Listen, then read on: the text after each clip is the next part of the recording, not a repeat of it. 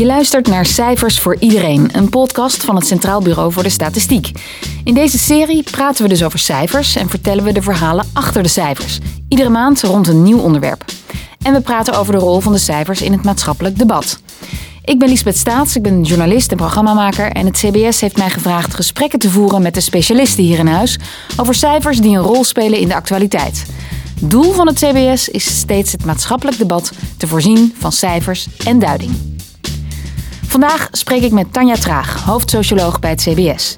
In haar portefeuille heeft ze onder andere de demografische ontwikkeling van Nederland. Leven en dood spelen daarbij vanzelfsprekend een belangrijke rol.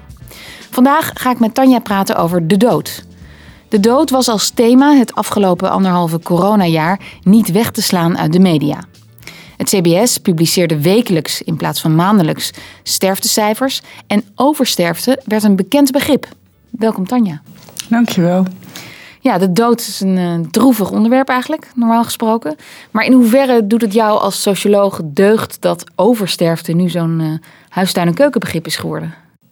Nou, ik denk wel dat het heel mooi is dat heel Nederland, of tenminste heel veel mensen in Nederland, zijn erover na gaan denken. Um, hadden er ook een mening over. Uh, het ging leven. En um, ja, dat heeft goede en, en, en minder goede kanten. Ik bedoel, het bracht ook wel soms het meest venijnige in mensen naar boven op social media. Maar je zag vooral dat mensen open stonden voor de vraag: hoe doen jullie dat nou en waarom doen jullie wat jullie doen? En dat maakt mijn werk heel dankbaar, want je kan mensen uitleggen waar staat het CBS voor, wat, waarom leggen wij uit hoe oversterfte in elkaar zit zoals we dat doen. En je zei al soms venijnig. Ik zie op Twitter dat je af en toe in discussie gaat met mensen die er enorm kritisch zijn en ook gewoon onder de gordel. Uh, hoe ga je daarmee om? Uh, nou, ik heb een hele tijd gedacht van het is goed als mensen vragen stellen. En dan um, hey, vaak kwamen ook wel alternatieve ideeën. Van nou, ik denk dat je het zus moet doen of zo. Uh, ik heb het ook een hele tijd volgehouden om daar heel serieus naar te kijken en feedback te geven van waarom beter zus of zo.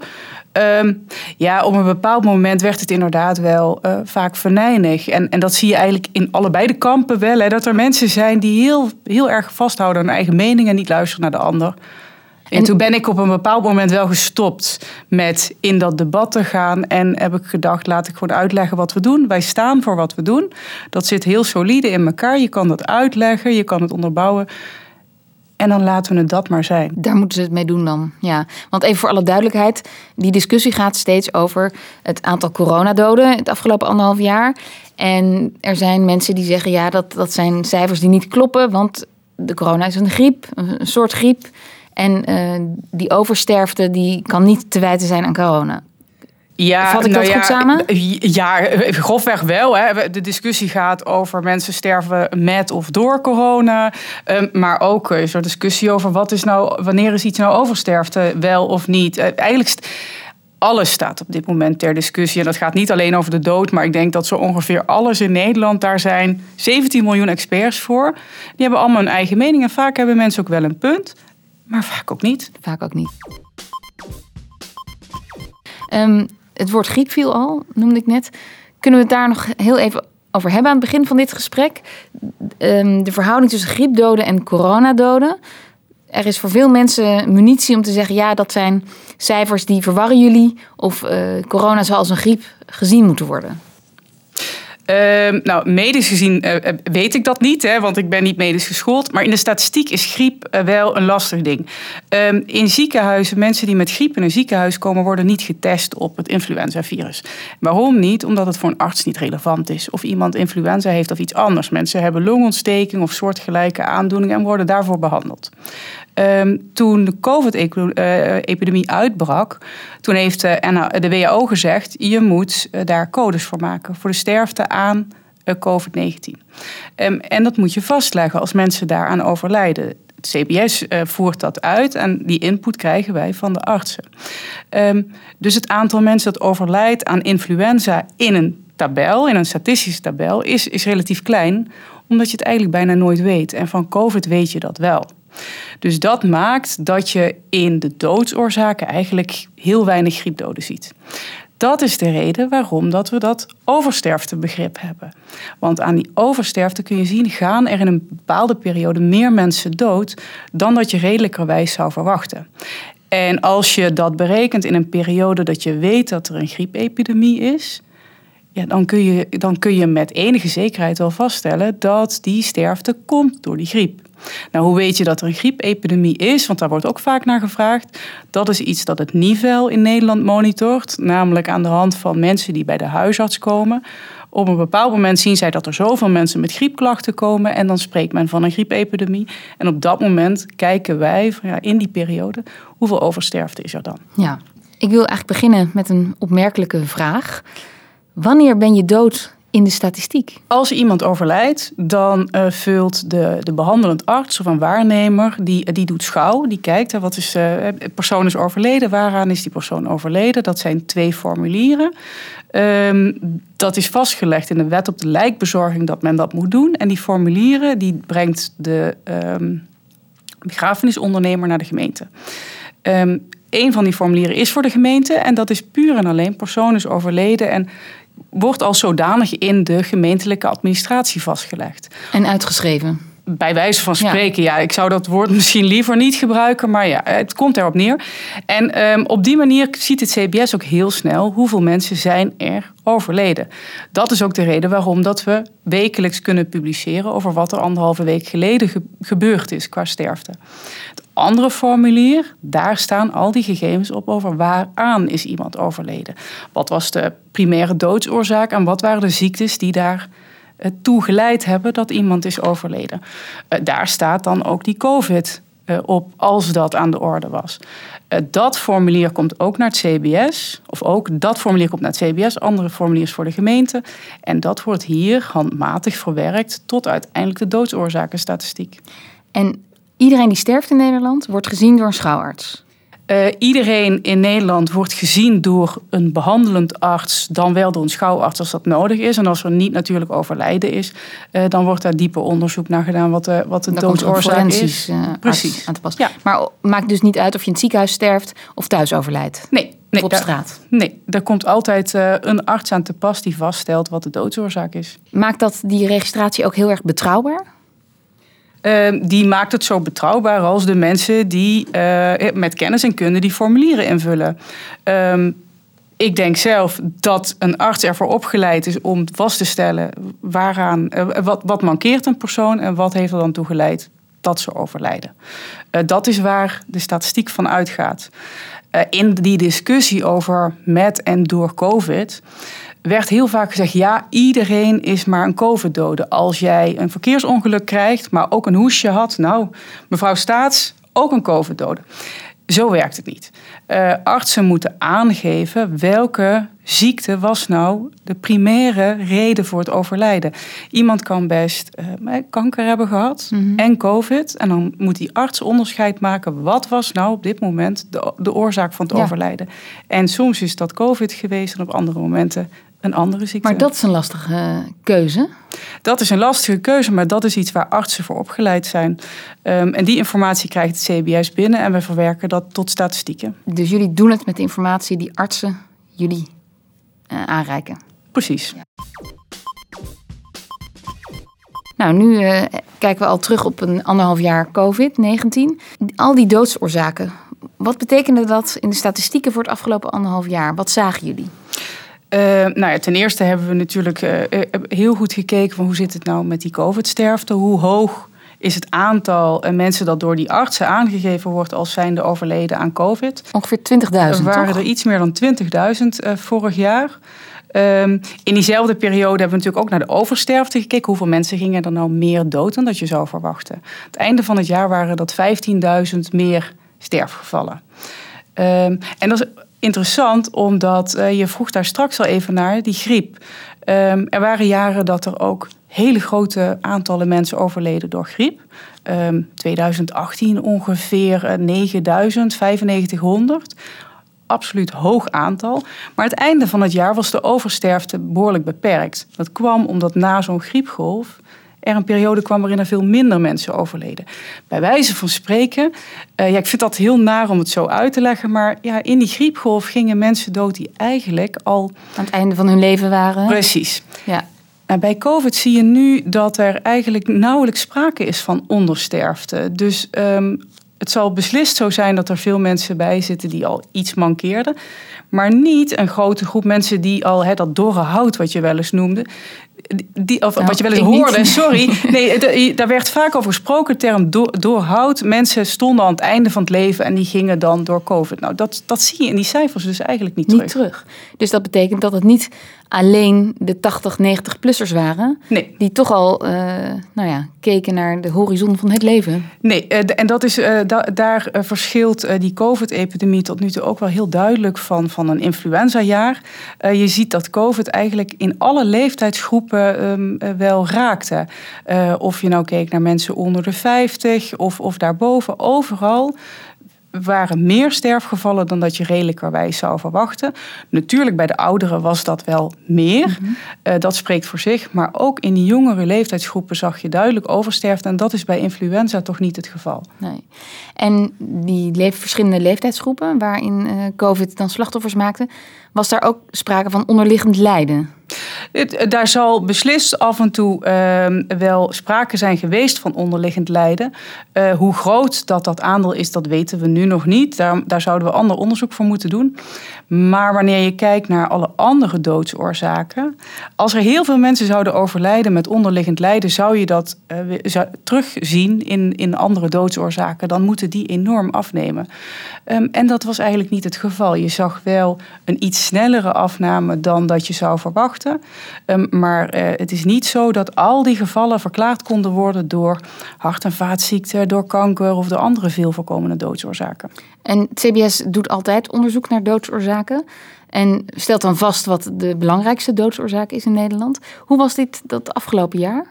Ehm, nou, eigenlijk in die zin niet anders dan anders. Ook afgelopen jaar hebben we gekeken naar hoe, eh, hoe, hoe, waar zijn mensen aan overleden.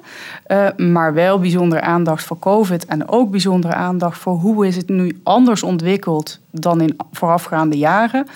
Ehm, de meest voorkomende doodsoorzaak in Nederland is nog altijd kanker. Eh, en dan met name longkanker. Daar overlijden veel mensen aan. Eh, ruim een kwart van alle sterfgevallen eh, heeft te maken met kanker. Hart- en vaatziekten staat op de tweede plek. Ehm, en ehm, eh, ziekte van het zenuwstelsel en psychische aandoeningen. En daar, daar zit bijvoorbeeld de ziekte van Alzheimer valt daaronder. Ehm, ook dat is een grote categorie in de doodsoorzaken. Eh, die nemen allemaal af in die zin dat als je kijkt naar de gestandaardiseerde bevolking, dan zie je dat er steeds minder mensen daaraan overlijden.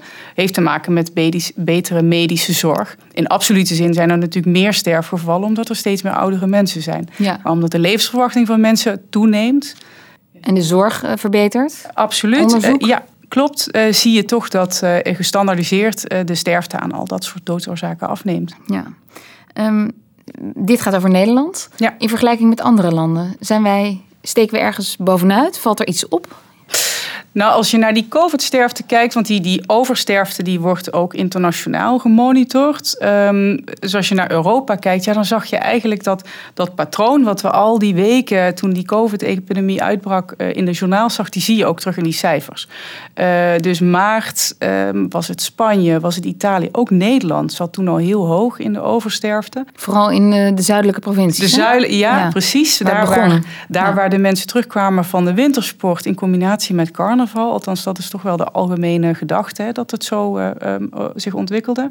Ehm, eh, maart, april was Nederland heel hoog samen met die zuidelijke landen. En toen zag je dat het in ieder geval voor Nederland wat afzwakte. Ehm, waren er andere landen waar de sterfte enorm opliep. Ehm, vanaf de zomer is, zit, zit de oversterfte in Nederland relatief laag als je dat vergelijkt met, met andere landen. Ehm, ja, en het is de verwachting dat nu ehm, de vaccinaties zo eh, opgekomen zijn. Veel mensen hebben zich laten inenten. Ja, dat het zo blijft. Dat is in ieder geval de hoop. We moeten het ook even hebben over zelfdoding. Dat is ook een doodsoorzaak natuurlijk. En dat houden jullie ook bij. Ja. In het stuk dat ik las, zag ik dat in de jaren tachtig dat cijfer veel hoger was dan nu. Ehm, hebben jullie daar een verklaring voor? En Kijk, in de basis is zelfdoding ehm, heel vaak gerelateerd aan psychische aandoeningen, aan, bijvoorbeeld depressies. Ehm, uit onderzoek blijkt dat ongeveer 87% van alle zelfdodingen, daar zit een psychische oorzaak achter. Ehm, en dan zijn er allerlei factoren die mensen in hun leven mee kunnen maken. Een echtscheiding of het verlies van je partner door overlijden. Um, immigranten plegen vaker zelfdoding. Dus die immigratiereis die mensen maken, dat is, dat, uh, is heel ingrijpend. Um, mensen die ja, moeite hebben met hun gender. Nou, dat is ook zo'n groep. Hè. Mensen die bijvoorbeeld transseksueel zijn of nou, daarover nadenken. Dat is een groep waar je hogere zelfdodingen ziet. Um, dus dat zijn die live events. En daarnaast speelt uh, het klimaat een rol. Niet uh, als in het weer, maar het economische klimaat. En mensen die te maken krijgen met werkloosheid, met verlies van inkomen, faillissementen. Um, wat je in de jaren tachtig zag, was dat uh, de recessie um, maakte voor heel veel mensen het leven heel onzeker. En in combinatie met andere factoren, bijvoorbeeld hè, je, je psychische uh, welzijn, ja, heeft dat tot veel hogere zelfdodingen geleid. Ik denk daarnaast dat ook het bewustzijn dat we als samenleving en, en dat er beleid te maken valt um, om mensen te helpen, ieder geval om ze te ondersteunen, dat dat ook een rol heeft gespeeld in het afnemende aantal zelfdodingen. Want dat was in de jaren tachtig heel anders.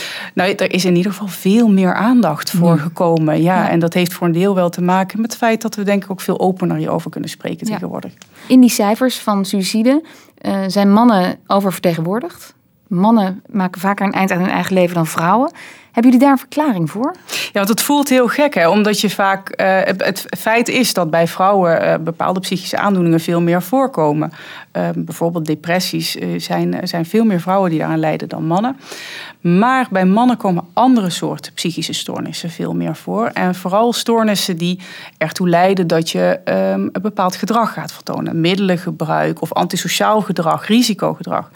Um, verder is het zo dat vrouwen meer geneigd zijn om hulpverlening op te zoeken, terwijl mannen dat toch veel meer binnenvetten. Nog steeds eigenlijk. Dat, ja, dat is toch nog steeds het geval. Je hoort dat ook als je met hulpverleners praat, dat ze, ja, vrouwen veel meer tot hen komen. Um, en, en verder is het zo dat mannen gebruiken andere zelfdodingsmethodes dan vrouwen.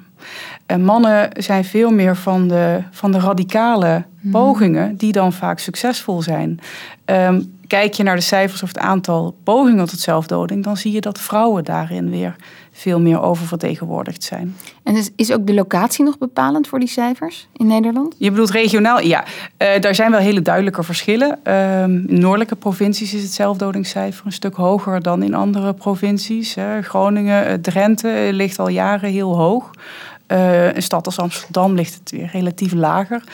Um, grofweg zou je kunnen zeggen, lijkt het erop dat er een schifting is tussen platteland en stad. Um, wat daarvoor de, de reden is, dat, dat is heel lastig te onderzoeken. We hebben daar al allerlei pogingen toe gedaan. Maar uh, ja, je moet eigenlijk heel veel weten over mensen, omdat zelfdoding zo'n complex mhm. begrip is. Uh, die informatie hebben we niet. Er is wel allerlei onderzoek naar gedaan. En een van de dingen is dat op dat platteland um, middelengebruik vaak meer voorkomt en ook meer stiekem.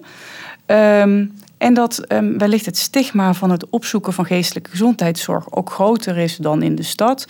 Mensen ook geïsoleerder zijn. En armoede speelt natuurlijk in die regio's vaak wel meer een rol. Ja, en daarvan weten we dat dat mensen soms wel over. Is. Precies. Ja, ja. ja in nou ja, noordelijke provincies is minder werk. Bijvoorbeeld, ja. ja, ja. Het is een uh, zwaar onderwerp, vind ik dit. Ja, dat is het ook. En ik betrap mezelf erop dat uh, soms als je ermee bezig bent, zijn het gewoon getallen in een tabel. En dan ineens kikt wel dat gevoel weer in. Want het zijn, het zijn mensen. Um, en, en er zitten familieleden achter ja. die, uh, ja. Dus het is, ik vind het altijd wel belangrijk om er ook over te praten met, met gevoel.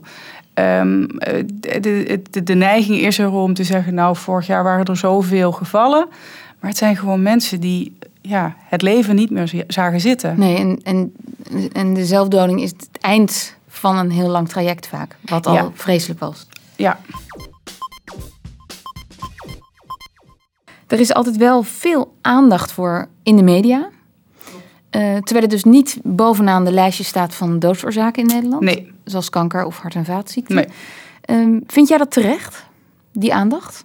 Uh, ik denk dat het heel goed is. die aandacht is er natuurlijk omdat het heel ongrijpbaar is. Die aandacht gaat ook heel vaak uit naar jongeren. Terwijl bij jongeren komt zelfdoding eigenlijk niet zoveel voor. Maar er gaan maar heel weinig jonge mensen dood.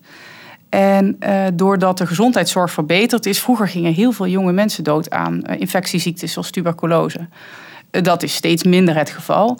En daardoor is die zelfdoding is eigenlijk een hele belangrijke doodsoorzaak bij jongeren ah, geworden. omdat er niet zoveel jongeren doodgaan. Exact. En, en het, het idee dat iemand zijn twintigste verjaardag nog niet heeft gehaald en het leven niet meer ziet zitten, is natuurlijk wel een hele uh, wrange gedachte. En ik denk mm. dat dat ook de reden is waarom dat er zoveel aandacht voor is.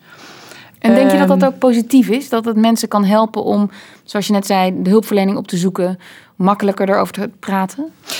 Um, ik denk het wel. Ik denk wel dat het goed is dat we ons ook uh, zijn gaan realiseren dat uh, bepaalde soort aandacht in de media ook negatief kan zijn. Hè? Dat bedoel, tegenwoordig wordt er geen melding meer gemaakt van um, uh, overlijdens aan het spoor bijvoorbeeld. Mm -hmm.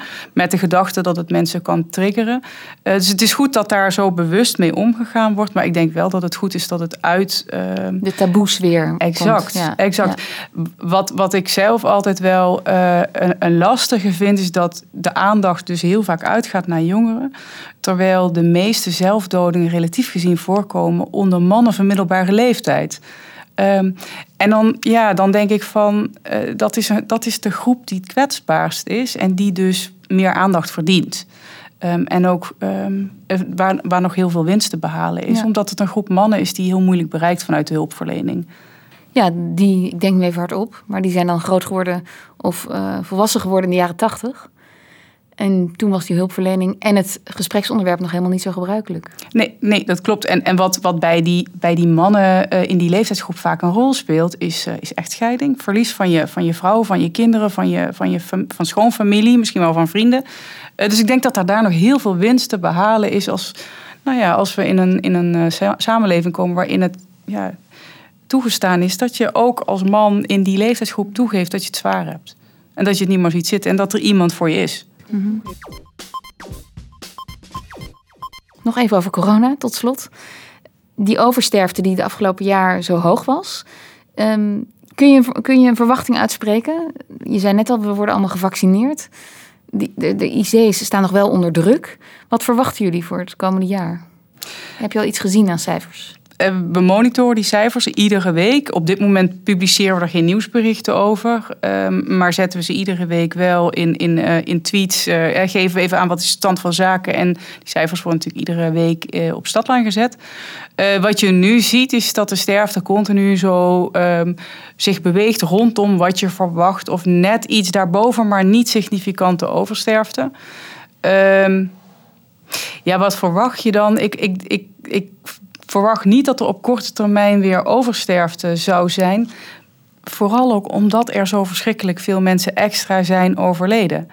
Um, en we eigenlijk nog geen periode van ah. ondersterfte gezien hebben. Dus ik, ik denk het niet. Maar uh, tegelijkertijd horen we nu ook hè, dat uh, de, de, de, nieuwe influenza-epidemie vroeger eerder op gang lijkt te zijn gekomen. Hè. Er zijn veel mensen ziek. Um, ja, wat die gaat doen, dat, uh, dat is dan maar weer de vraag. Dankjewel, Tanja, voor dit gesprek. Deze podcast ging ook over zelfdoding. Dat is een ingrijpend onderwerp. Heb je hulp nodig of heb je gedachten over zelfdoding? Neem dan contact op met Stichting 113 Zelfmoordpreventie. Te bereiken via telefoonnummer 0900 0113. Dat nummer is 24 uur per dag bereikbaar of via 113.nl. Dit was Cijfers voor Iedereen, een podcast van het Centraal Bureau voor de Statistiek. Iedere maand rond een nieuw onderwerp.